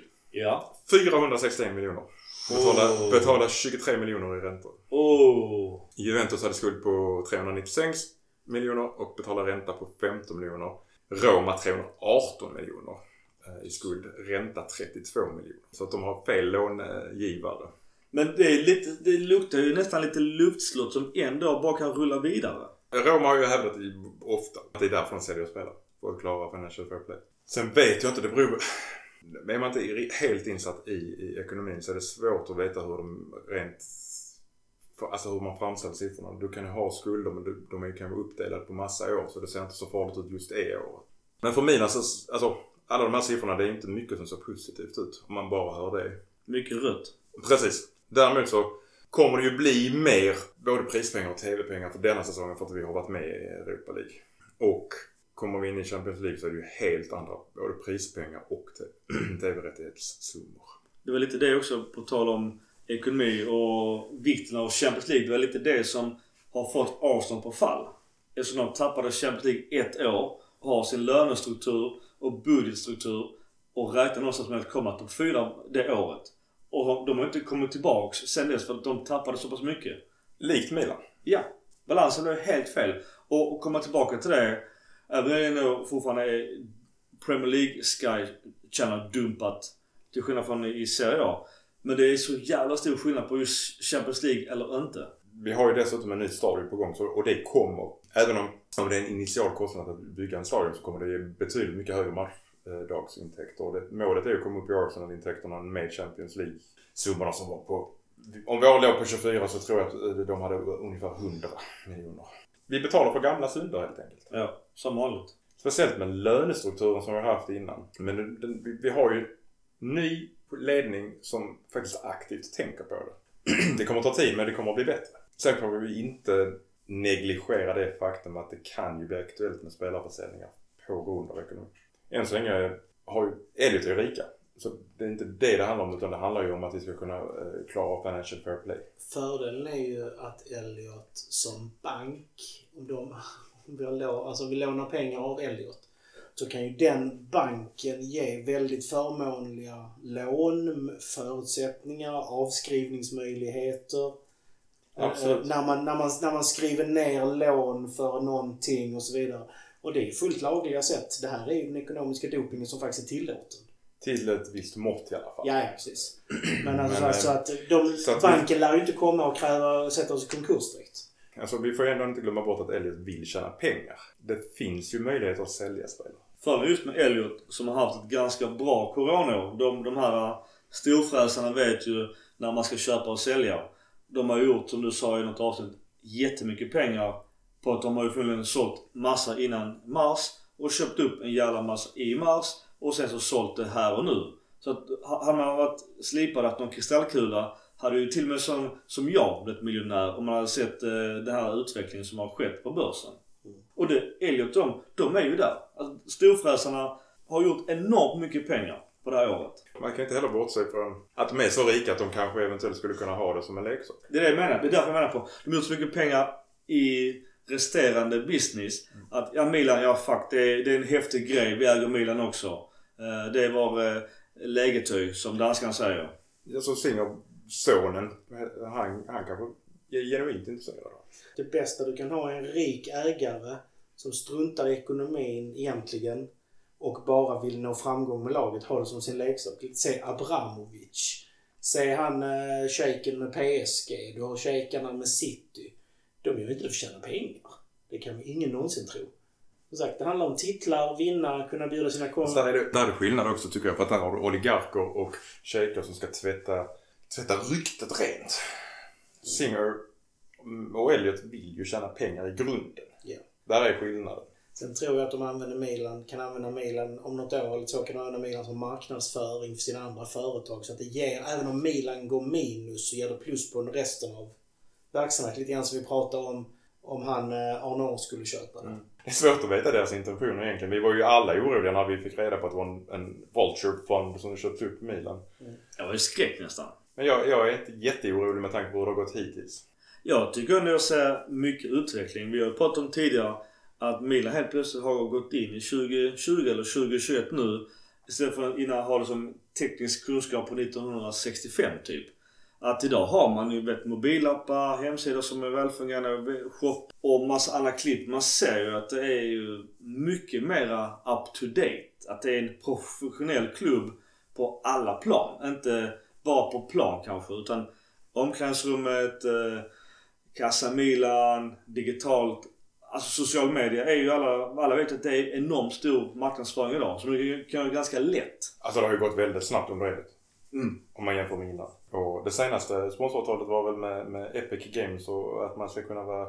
Jag har aldrig spelat Fortnite men man ska tydligen kunna vara Milans snubbe i, i Fortnite. Jaha, okej. De har ju gjort någon sån här fotbollsinriktning så det är inte bara Milan som är med. Men, Ja, men men det handlar ju om med där. ja, men bygga en fanbase. Det är lite det som är tanken. Och så att du också kommer in på jänkarmarknaden mera. Inte ett gammalt uttryck för marknadsföring. Syns man så finns man. Så är det ju. Man kan något mera ekonomi, utveckling, annars projekt, alla undrar stadion, lyssnarfråga. det har inte är... kommit så mycket information om stadion mer än att det eh, eh, fortfarande är två alternativ. Ingenting är bestämt än. Nej. Jag tror att det delvis kan halta just nu med tanke på alla rykten om, om Inters ekonomi. Eller inte Inters men ägarnas ekonomi. Dumpa inte och bygg själva. Ja. Stå fast i det fortfarande. Vill du tjäna de grova pengarna så dumpa inte. Alltså jag kan förstå fördelarna med en delad kostnad. Får du då ändå den här ökade inkomsten? Kunna hyra, att kunna ha ensamrätt på alla arrangemang, konserter, happenings. Grejen är att kommunen vill ju ha kvar San Siro till de grejerna. Det är ju det ett av kraven för att de ska få bygglov. är ju att San Siro ska få stå kvar med... Jo men det är bara att artisterna tecknar avtal med Milan och använder Milans ut... Alltså... Bara att det blir tractor pulling så att eh, planen ser ut som på Ullevi. Nej, nej men då gör de som Ajax. Då, då, då har, har man planen på alltså en form. Ajax kan ju köra ut planen. Det är så de får gräset att växa. Mm. När det inte är match så kör de ut planet under läktaren så den planen står bredvid arenan. Sen till arenan kör de in den, sänker ner den och fäster den i marken igen. Jag tror Schalke har så också. Ja, det är flera som har det. Så Ajax, Ajax, har ju, Ajax har ju två eller tre gräsmattor tror jag som står ute på så att de alltid är en fin plan. Så de kör, de kör här fram och tillbaka. Cool. Känner du inte till det? Nej, det visste jag inte. Vi lämnar eh, det för silly season. Vi kan ta först officiella in och det är ju Saluino Meite. Är det så man säger? För att få en liten bild av honom så eh, finns det ju olika diagram där man gör en, en eh, jämförelse med vår Frank the Tank. Och de är inte jätteolika i sina, sina siffror. Eh, Kessie har ju mera turnovers och passes complete. Annars är ju den här spindeln ganska jämn. Kessie har färre fouls också.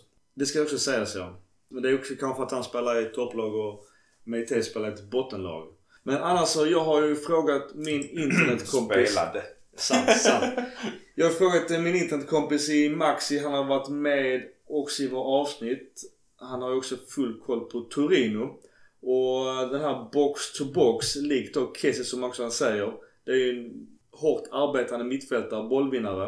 Eh, styrkor, väldigt bra bollvinnare. Stark fysisk, underskattad passningsförmåga, effektiv med att driva bollen framåt. Vilket vi såg lite av i hans match. Svagheter kan bli mera konsekvent med sina prestationer. Det vill säga att en jämnare högre nivå eller en högre lägstanivå. Och jag frågar också varför han inte han har fått spela så värst mycket då i Torino. Där Gianpaolo fick sparken. Och det var ju just fram till Gianpaolo kom dit så var han ju ändå mer eller mindre gjuten. Och eh, funkade inte i Gianpaolos planer. Och siffrorna som nämns det är ett lån på 500 000 euro. Och sen så då någon form av transfer därefter på 8 till 9 miljoner euro. Har ni hört andra siffror eller har ni mer att säga om vår nya spelare med den konstiga frisyren? Det inget, inget som är släppt officiellt än i alla fall. Nej. Och sen också skriver vidare här att då vår eh, chefscout i Jeffrey Moncada. Han har ju haft koll på honom ända sin, sin tid i eh, Monaco. Så att eh, ja, vi, får väl se eh, vad vi har erbjuda. Det, det, det, det breddar ju vår trupp om inget annat. Alltså scoutrapporterna på honom säger att det är en bra CA-spelare, väldigt beslutsam. Ska kunna vara stark som en jäkla oxe. De, man ser att han har en potential att kunna bli ännu bättre. Svag i offensivt straffområde. Väldigt vinnarskalle som gärna gör en extra foul liksom. Och går väldigt, går lite ovårdat in i situationer ibland. Men han gillar att styra tempot. Eh, För de som undrar hur stor han är så är han 187 cm och väger 82 kilo. Så det är en rätt bra bit. Alltså det känns som Milan har biffat till sig ännu mer. Känns som ett steg upp från Krunic i alla fall. Synd att eh, Jim Paolo fick sparken. Vi kunde ju sålt Krunic dit. Man kanske tar över en bottenklubb så jag kan det till. De kan behöva en Krunic. Annars så mer, mera statistik eh, på Meite. Vinner bollen eh, 4,07 gånger per match i snitt. Eh, snitt på den positionen han spelar har då varit 3,96. Han förlorar bollen 8,07 gånger per match. Och snitt är 8,53 så det är ju färre gånger han förlorar bollen. Lyckas med 1,64 dribblingar per match. Snittet är 0,8 så han är dubbelt så bra som de flesta andra är på dribblingar. Fram, alltså bra på att slå långa passar. Det gör han 1,79 per match. Snitt 1,6. Och han gör 0,79 fouls. Så om man ser på jämförelsevis samma spelartyp på positioner så är han ligger ändå bra det, det känns som att det kanske är en, jag ska inte säga en oslipad diamant, men han har ju kanske inte kommit rätt in i Torino. Det känns som en habil breddspelare. Så kan man också säga det. För Inte, alltså, inte, det är ju inte för att vara dum utan vem ska han ta från vårt mittfält som en, en första? Nej, Om alla är friska. nej. Men det är ju som du säger, vi höjer vår lägstanivå för att han verkar vara bättre än Krunic som inte haft tyvärr så bra start i Milan eh, denna säsongen. Annars mer officiellt, men då är det ju ut, det är att vår mittback i Duarte, han kommer gå till Turkiet på något lån. Uh, lite osäker på, på siffran där men ja, alltså det, jag tror inte vi kommer få se honom mer i Milan någonsin så jag tycker inte vi lägger någon större vikt vid honom. Musachi också ryktas på väg ut. Eh, det, jag tycker att Musachi är helt okej okay för att vara en femteval. Vi får se nu ryktas till Arstons gamla mittback som vi hade i han i Sokratis. Jag vet inte om det blir något eh, dumpa även Musacho för att ta in Sokratis som backup, backup. Jag vet inte om det är aktuellt ens. Det är så många rykten om, om backar som är unga och lovande istället. Så strategin känns ju mer som att vi, vi den generella strategin för Milan känns ju mer som att vara ungt mm. och lovande än gammalt och avdankat just nu. Och mer annars officiellt är då en spelare som vi lyfte fram redan i, eh, i somras på silly season där. Nummer 9 tar han, eh, Mario Mandzukic. En, ja, alltså det är en gammal favorit till mig faktiskt. Mandzukic. Mario. Han eh, valde Milan, tyckte han, för flera olika orsaker.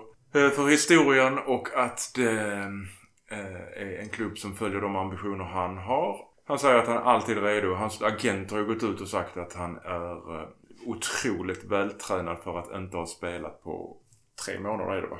Och han räknar med att han är 100% om två till tre veckor. Oj. Agenternas jobb att säga de där grejerna kanske. Såklart, såklart. Uh, han har även sagt att han tycker det är gött att, att få spela ihop med, med Simon Kjär. Som han känner från Wolfsburg. Även med Rebic eftersom han känner honom från landslaget. Och han har också sagt att det kan bli eh, roligt att spela med Zlatan på topp. Ja, fy fan att möta de två. Sådana jävla bästa. Kör tvåmannaanfall då. Jag också, men man blir ju sugen på att spela ett tvåmannaanfall med de två. Fy fan. Långa bollar in i straffområdet. Ja, fy fan. Alltså, bara, eller nu som vi kör en anfallare. Okej. Okay. Så nu när de börjar och köttar en halv, halvlek och backarna var så fan skönt byter ut och så byter man in den andra sen. Men då sätter man ner Zlatan på som um, tia. deep line forward. Tia. Jag tänker säga Rebic också. Ja. Jag satt och funderade på det, men hur får du formation där alla är med? Jo, men Rebic spelar till vänster. Mandzukic på topp. Zlatan mm. som tia. Mm. Uh, och så Rebic får bara springa rundor och göra folk förvirrade så kan de andra två stå in och nicka mm. in bollar. Enligt, alltså, enligt uppgifter så ska han ju följa med till matchen nu mot Atalanta. Mm. Det hoppas jag. Atalanta som förut spelade 1-1 idag mot Udinese. Ja, det är och jättebra att de hade en match mitt i veckan. Ja. På grund av eh, regn och väder var det väl sist som den var uppskjuten. Ja, de har tappat lite poäng. De, eh, ja... De är sådär varannan. Ja. Det är det jag är orolig för. Mm. För om de gör en dålig match idag så har de en... Vi har ju ganska tufft med skador och avstängningar inför den matchen så att det kan bli jobbigt. Skönt också Mandzukic för det är verkligen en vinnare. Ja. Mandzukic. Alltså, det... Och ett rövhål. Fullständigt rövhål. En sån som du hatar att möta men älskar att ha i ditt ja. lag. Det är... Han gnager på det helt enkelt hela tiden. Jag minns, han blev ju köpt till Bayern München för många år sedan. Så tänkte jag, vad fan. Ingen kommer att peta Mario Gomez.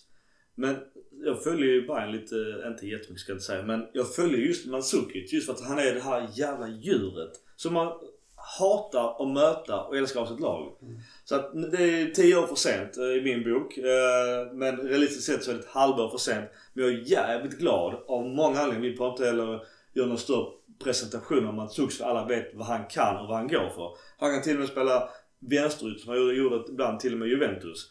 Eh, nu lär inte han spela just vänsterytter i Milan utan det är ju en vice Zlatan eller kanske en avtagare till Zlatan för att han är ju inte jättegammal. 34. Ja, och Zlatan är 39. Så att jag menar, kan vi ha Mario i... Uh... vi sitter alltså och pratar med 34-åring som den unge avtagaren. ja, men allt är relativt. När Lewandowskis kontrakt går ut med Bayern München är han 34.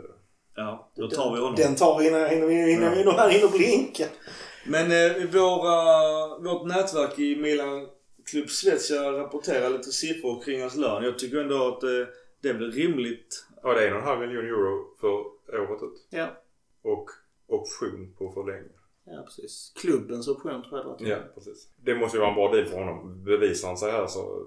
Han hade ju ingen klubb ju. Han säger också att han har sagt nej till många andra klubbar.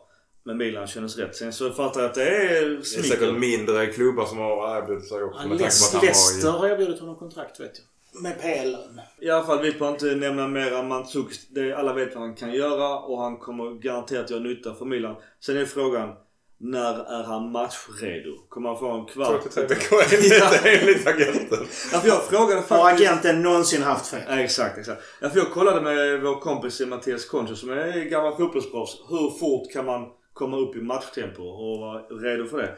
Och såklart vet ju inte varken han eller någon annan status på Mandzukic. Men, men det behöver inte ta så värst lång tid för att eh, kroppen är ju ändå inställd på den typen av träning och förberedelse. Så att det behöver inte ta så lång tid heller. Man kan säga så att han har ju gjort sina hälsotester på, på Milan. Han blev ju inte godkänd. ja, precis, han blev godkänd. De har ju inte tagit om han var 25 kilo för tung och, och inte kunde springa. Det, Ja, och visdomständerna verkar vara okej också. Så att, så att eh, det var ju Utdra, utdragna sedan länge. Förhoppningsvis. Har vi någonting att säga om att han tar otursnummer nummer 9? Alltså, det är bara skrål. Men värst är det har ju, det har ju varit eh, jävla otursnummer på senare tid. Har, har det varit ett otursnummer eller har vi haft skitspelare som har tagit? Det är ju frågan. Där, där är vissa spelare som inte har klarat av det. Det får jag ändå säga. Som inte skulle vara ren skit i alla fall. Men Sen Piontek bytte till 9 blev det ju skit. Och han har ju inte riktigt eh, lyft sig sen dess. Som verkar vara ryktas på väg till Juventus. Jag kan slå det för om Piontek kommer kommer jag ha 30 mål. Ja, säkerligen.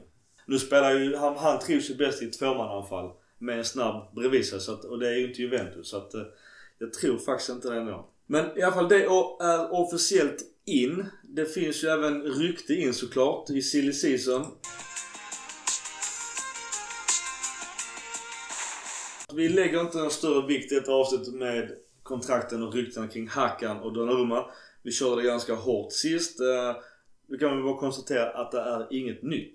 På gott och ont. Det är lite ångest i och för sig. Jag börjar mer och mer bli övertygad om att eh, Donnarumma inte ens vill förhandla när Champions League-platsen är klar. Donnarumma, nu pratar jag inte eh, agenten utan honom. Och då är frågan i så fall om han kör över Raiola och säger du nej, jag business as usual, jag kör samma. Ingen release clause. Det är ju där jag gissar att skiten hänger på. Men i alla fall, vi har ryktes in och då har vi eh, en från Porto, en playmaker. Som är då eh, utgående kontrakt, det vill säga Bosman. Och att eh, Otavio, jag frågade Portos svenska konto. Jag har tyvärr inte fått svar från dem. Jag, har kollat upp honom lite. Ja, vad har du att säga om honom? Han är det som Hakan är nu. Alltså nu när Hakan har blivit bra. En kille som gillar att spela till vänster, gillar att spela som offensiv mittfältare, driven, bra blick för spelet, bra passningsfot och stark. Den, den Hakan igen liksom. Han är en bra Hakan. Det är ju frågan då om återigen om Milan kommer att köpa loss Diaz. Om man då inte gör det för det är en stor peng. Och man kan leta billiga alternativ återigen till ekonomin. Och då är ju eh, Otavio ja, ett alternativ helt enkelt. Mm. Det är ju lättare att få tag i en AMC än eh, många andra positioner. Ja, Mackan. Vår Belgien-kompis på Twitter. Belgisk fotboll. Han har ju taggat oss. Trevligt nog.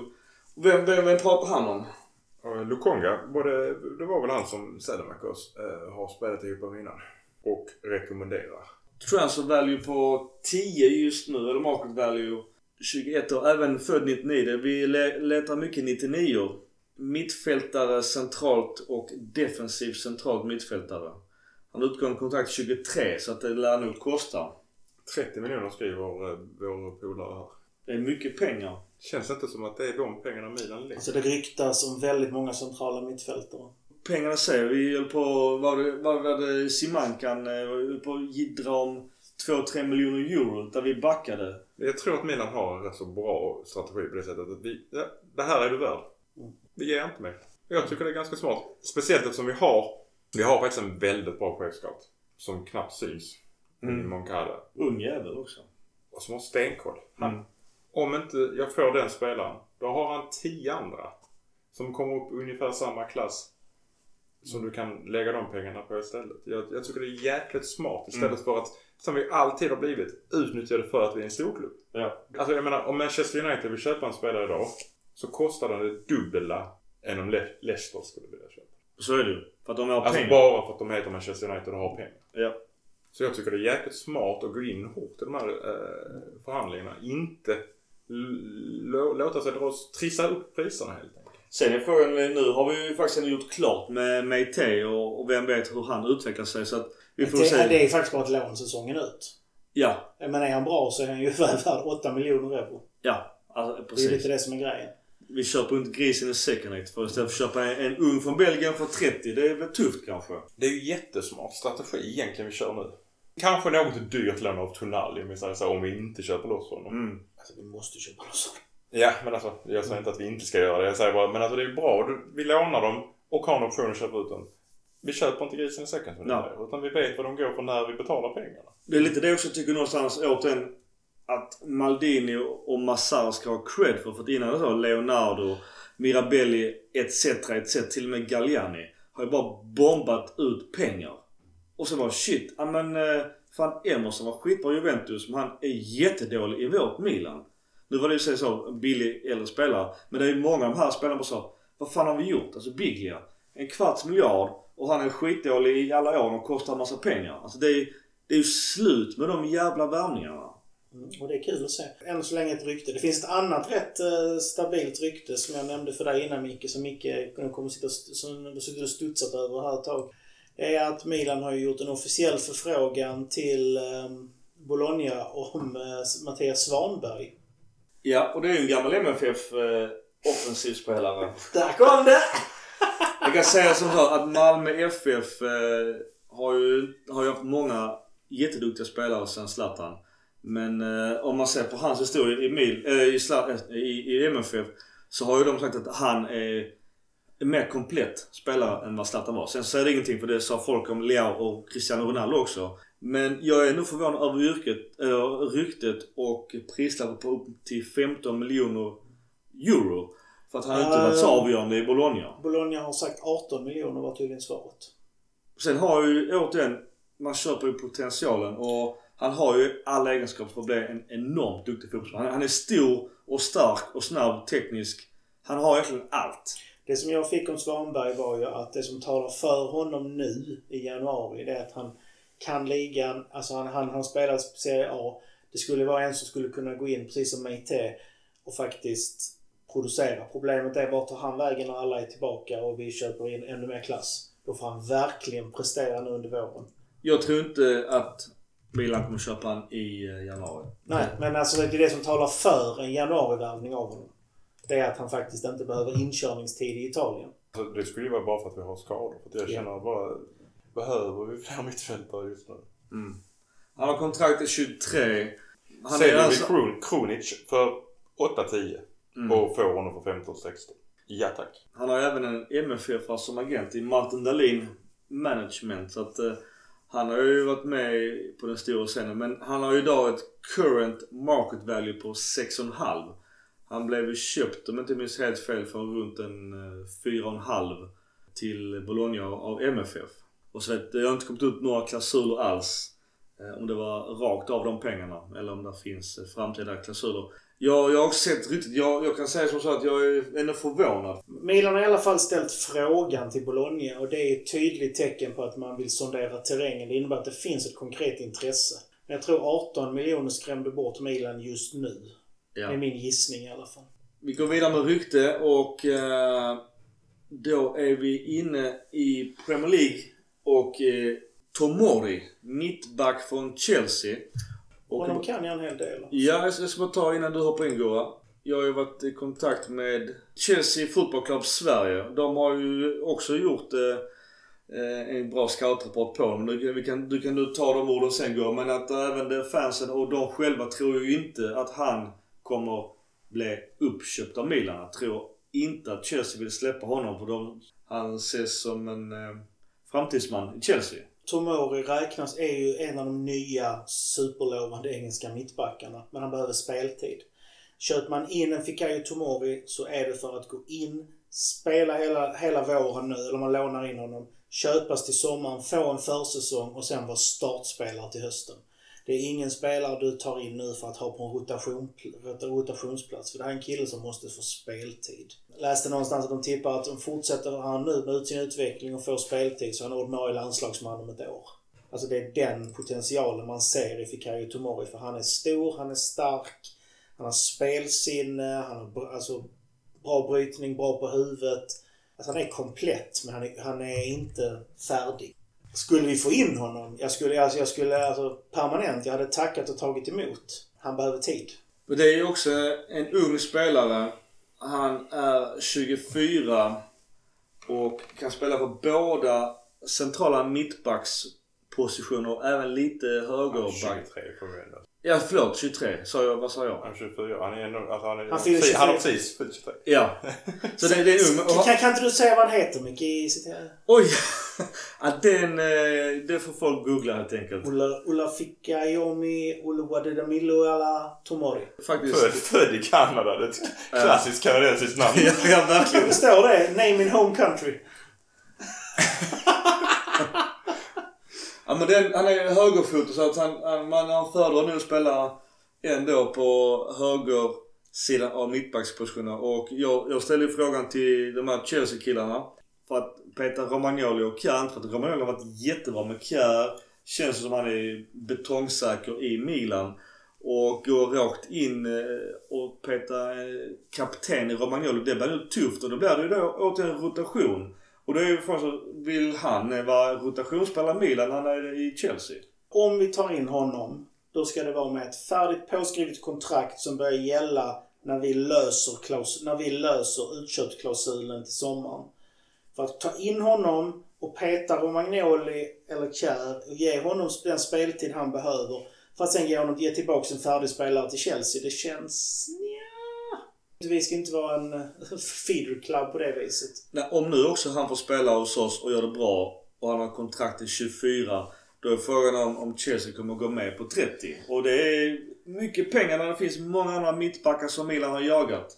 Vi satt då i Simankan då från, eh, alltså från Strasbourg. Nu kanske han kommer gå till Red Bull i och för sig. Men om inte han gör det så tror jag Maldini kommer gå på honom igen. För att de har jagat honom nu i två fönster. Och sen frågar jag också återigen. Varför jagar vi mittbackar? Vi har ju vår egen unga Gabbia bakom Kjär och Romagnoli. Eller börjar man oroa nu för Romagnolis kontrakt? Jag tror det dels är Romagnolis kontrakt. Kjär är, eh, är äldre. Jag tror det handlar om det också. Vi måste, vi måste ha Kjärs ersättare klar. Inte bara för rotation utan för Kjär har... Han kanske börjar tappa fysiskt, det vet vi inte. Även om han håller placeringen så kanske han börjar tappa snabbhet. Det ser vi dem på alla sina tester. Vi får inte glömma att vi har eh, förmodligen Caldara tillbaka också. Ja. Eh, Alltså, Vad fan händer med det? är, det, det har inte hörts någonting men det finns ju ingenting som tyder på att Atalanta skulle vilja köpa loss honom. Inte för dem. De jagar ju, betalar MFF Anel i, så att det får ju vad det kommer att bli. Jag tror Anel är, att gå till Atalanta, Atalanta är bra för honom, tror jag. Men återigen, vad händer med Caldara? För det är fortfarande vår spelare som vi pratade här för när han väl kom till oss att alla attributen och egenskaperna säger att det är en eh, topp mittback för framtiden. Också en gammal, eh, han har ju även ett landskamp för Italien så att det är också något vi, får inte glömma. Gabbia kommer gå om vi köper, om vi, om Tomori kommer. Ja, ja. Alltså Tomori är ju är ju bättre än Gabbia. Oh, ja, absolut. Alltså det är inte det. Men Mm. Ja, det är ett val man får göra. Jag, bara ja, jag att tror det det- blir utlåning på Gabbia och eh, sen sälja honom när han har Ja, höjt alltså, sitt värde. ja, nej, jag tror snarare man säljer Kjär till sommar. Va? Nej, nej, nej. Det, jag tror inte du Nej. Kjär är 35 Du kommer sommar. aldrig sälja Kjär. Och eh, alltså är det lönt? Vad, vad Jag får tror man inte du för får några pengar på det. Nej, Det men... är där problemet. Men alltså, Gabbia kan du få pengar för Kjär? Nej. jo men Gabbia, alltså vi, att ha ett, en mittbacksuppsättning med eh, första uppsättning då, om du bara spånar Romagnoli, Tomori och bakom dem har Gabbia, Kalulu. Alltså det är ingen dålig mittbacksuppställning. Absolut inte. Man brukar, ha, brukar man inte räkna med att man ska ha fem mittbackar? Jo, då kan Kjär vara som åldermannen. Ja, precis. Ja, menar. Ja, ja. Nej men sälja, sälja. Alltså in, inte ingå i start... Alltså vara ett eller två på den positionen. Än en gång säger jag, vi kommer att spela Champions League nästa år. Vi kommer behöva ha fem bra backar. Tomori, alltså 30 miljoner för Tomori nu är billigt. Och titta på Pioli. Nu säger jag inte att vi har haft världsstjärnor men Tomori är ingen världsstjärna heller för den delen. Nej. Han har lyckats få alla till att trivas på bänken och när de väl får chansen så ger de allt. Till och med Kronic ger allt även om det inte blir alltid så bra. Nej men alltså ni förstår vad jag tänker. Han håller dem på något sätt glada och nöjda med att vara truppspelare. Vi tar ett sista rykte. Det, det, vi, vi har fått sortera lite med alla jävla rykten. Men då pratar vi vänsterback i Junior Firpo från eh, Barcelona. Det känns som en anka för att trissa priset. Jag känner inte att Milan har behov av en vänsterback just nu. Ja, men det är backupen till eh, Teo. Är inte det Dalot redan? Ja. Jag, jag förstår inte heller det ryktet faktiskt. Ja men det skulle vara så att för Dalot är, är inte billig. Nej. Och United verkar inte vilja släppa honom. Till sommaren kan jag Ja, nog... till sommar. Till sommaren Till på sommar. Firpo, men inte nu. Han har kontrakt till 24 så det är ju inte någon rea för att han närmar sig sitt kontraktslut. Det har ju faktiskt ett rykte om att det finns andra klubbar som vill försöka få eh, Milan till att avbryta lånet med Dalot. Ja, ja, och köpa loss honom från United. Finns någon sanning i det ryktet så är ju det här högaktuellt. Då kommer ju United få betala pengar till Milan som kompensation och då kan de läggas till att köpa in en ersättare. Då kanske Firpo är mer troligt. Han har ju gått från att ha värde på 25 miljoner euro till idag på 10 miljoner euro. Och det är ju inte någon spelare som gör så mycket matcher i eh, Barcelona. Jag kan ingenting om honom. Inte jag heller. Så, det, det är en av de här spelarna som kan bli hur bra som helst som finns i Barcelona. 96 ja. Alltså han har ju gjort matcher, han har ju spelat men det är ju inte, det är inte topp topp alltså. Ja, alltså om man ser på attributen defensivt så ja, alltså 64 taktik 52, teknik 55, attacking 46, creativity Alltså det... 58. Så att eh, han kan spela både vänster och mittfält. Men Ni ser, ni ser vad detta är för spelare? Detta är en Rodriguez. Det det känns inte som en direkt ersättare till Hernandez för mig. Om man tittar på attribut. Nej.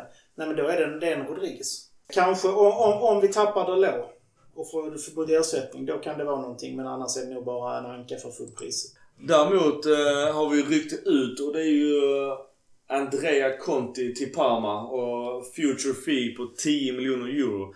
Då bör vi i alla fall gå break-even på honom om vi skulle få 10 för honom.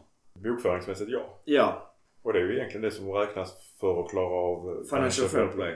Ska vi säga något om Conti? Det, det blev inte bra och tyvärr har ju skador förstört hans karriär i Milan. Alldeles för skadebenägen tyvärr. Alltså han har ju fortfarande en av de bästa inläggsfötterna i hela laget. När han, när han inte är skadad sönder, försikt, för försiktig för att han har varit skadad och så vidare. Det är, det är en glasspelare. Kan vi få pengar för honom så släng av honom, ta pengarna och kör fort som bara den liksom. Tyvärr. Det är synd. Annars rykte ut, det är faktiskt ganska tyst om, eh, om Milan. Avslutningsvis, hit and shit. Mackan, du vill börja misstänker jag. Ja, jag börjar. Eh, Zlatan Ibrahimovic. Ett Jag mål per inte 52 minuter. Ja. Som 39-åring. Det är väl Sjukt imponerande. 12 mål på 8 matcher. Han jagar rekord. Så att... Eh, Var inte han slut? Jo, det är det. Jag bara kollar. Ja, Och... Hammarby, eh, Hammarby-spelare. Nej, Nej, det- det är han är min- delägare. Stor skillnad. Eh, Det är min hit. Och shit. Shit. Alla skador och problem som vi har med frånvaro helt enkelt i truppen. Vi har ju pratat om det innan. Det har, vi har trott hela tiden att det ska ta ut sin rätt. Delvis har det gjort det. Vi har spelat lite lika matcher mot Ängagäng höll jag på att säga. Men alltså mot Genoa och matcher som vi kanske inte skulle bara ta en poäng. Det här börjar bli lite löjligt nu. Milan är den klubben i Italien som har haft flest eh, covid-19 fall. Mm. Och flest i virket. Det är flest i virket på den. Ja. Så att eh, det är lite jobbigt. Vi leder ligan. Ja, vi är vintermästare oavsett vad som händer i sista matchen Ja. det vänder. Jag kan ta vid och min hit är att efter 18 omgångar och jag vet inte, vi måste ju ha varit serieledare i alla fall minst 15-16 av dessa 18 omgångarna. Jag tycker det är så jävla imponerande. Och eh, det kommer jag nog tjata om i varje hit. För att eh, så länge vi är i toppen. Och jag kommer i slutändan vara nöjd med att vi når topp 4 i alla fall. Vi är serieledare är så jävla imponerande och så jävla kul. Och shit. Eh, ja, man får nästan leta FN. Och det är det som du säger Mackan. Det är ju att vi får laborera. Helt plötsligt får Kalaba gå in och spela mittfältare. Nu gör han i och för sig jävligt bra där också. Men det är ju det här med Corona i synnerhet och gamla Milan-labb att eh, fan, ska man stänga in alla så att alla har fått Covid under julen, lite hemskt nog att säga det, så att man har varit, kvitt det sen kanske. Det, det, så får man inte säga högt ju, men, men tanken har ju nu slagit många som följer fotbollen. Och, eh, och så skadorna. Det, det, det, är där, det är hemskt om vi skulle tappa särledningen serieledningen och kanske något ännu bättre. För att vi har så tunn trupp. Nu, har vi, nu verkar vi förstärka. Vi är redan klara med två lagdelar. Kan vi få in då även en mittback så har vi förstärkt alla tre lagdelar och det tycker jag är helt avgörande för framtiden. Hitten är tveeggad. Hitten är att det går så bra, att glädjen är tillbaka. Och det är i kombination med, alltså jag tror att, som jag sa innan, jag tror hitten är att förlusten kom när den gjorde. Och på det sätt den gjorde. Den kom mot Juve. Innan dess är jag, tycker jag fortfarande att laget hade mentalt börjat slappna av lite. Förlusten där gjorde att de vaknade och det tycker jag vi har sett efter. Även om vi förlorade så var vi lite neråt. Kitten är ju att eh, vi har fortfarande inget kontrakt med Donnarumma. Och precis som Micke sina, sina käpphästar kommer jag fortsätta tjata om det. Ge honom vad han ska ha. Som sagt, han är värd 12 miljoner om året om det skulle vara så. På 10 år liksom. Ge honom det. Vi kan säga just det här, för han är ju enligt Zlatan och många andra världens bästa målvakt. Och de målvakterna som annars sägs vara det, Oblak och det sker med flera Neuer. De har ju den här summan lön. Han är värd Så varför skulle kanske inte Milan ge honom det? Jag förstår att det var fel i lönestruktur för det har vi också pratat om i tidigare avsnitt. Men vi kan ju inte tappa honom. Det är ju inget alternativ. Och sen eh, går jag faktiskt in lite grann på shitten när det gäller Peter Danielssons fråga om vi borde värva en högerytter. Ja, det borde vi. För det, vi saknar en ytter som kan gå in och täcka på bägge kanterna och faktiskt leverera. Där har du ju faktiskt ett rykte som vi missade lite. Mm uh, Thovin eller vad han heter. Flavian Thovin. Det är, det är från sommaren i så fall. Där kom, det var det jag skulle säga om ryktet. Ja. Deras ägare har ju gått loss och skällt ut dem efter en förlust. och sagt att, ja, sagt att de hade 24 timmar på sig att bestämma sig om de skulle kämpa för laget eller om de skulle bli sålda nu. Och då hade Milan kunnat gå in och köpt honom för en billig summa för grund av att äga. Alltså detta är ju rykten. Det får vi lägga in. Men... Det har varit intressant. Florian Thaven. På tal om rykte så ryktas ju... kanten också. Milik ryktas till Marseille också. Olympic Marseille. Gamla storlaget. Som fuskar sig till en titel mot vårt Milan. oss, ja. Fortfarande bitter. 90... Jag kommer inte ihåg när det var men det är lite bitter. 94, 94. Bitter. Forza Milan! Forza Milan! Forza Milan!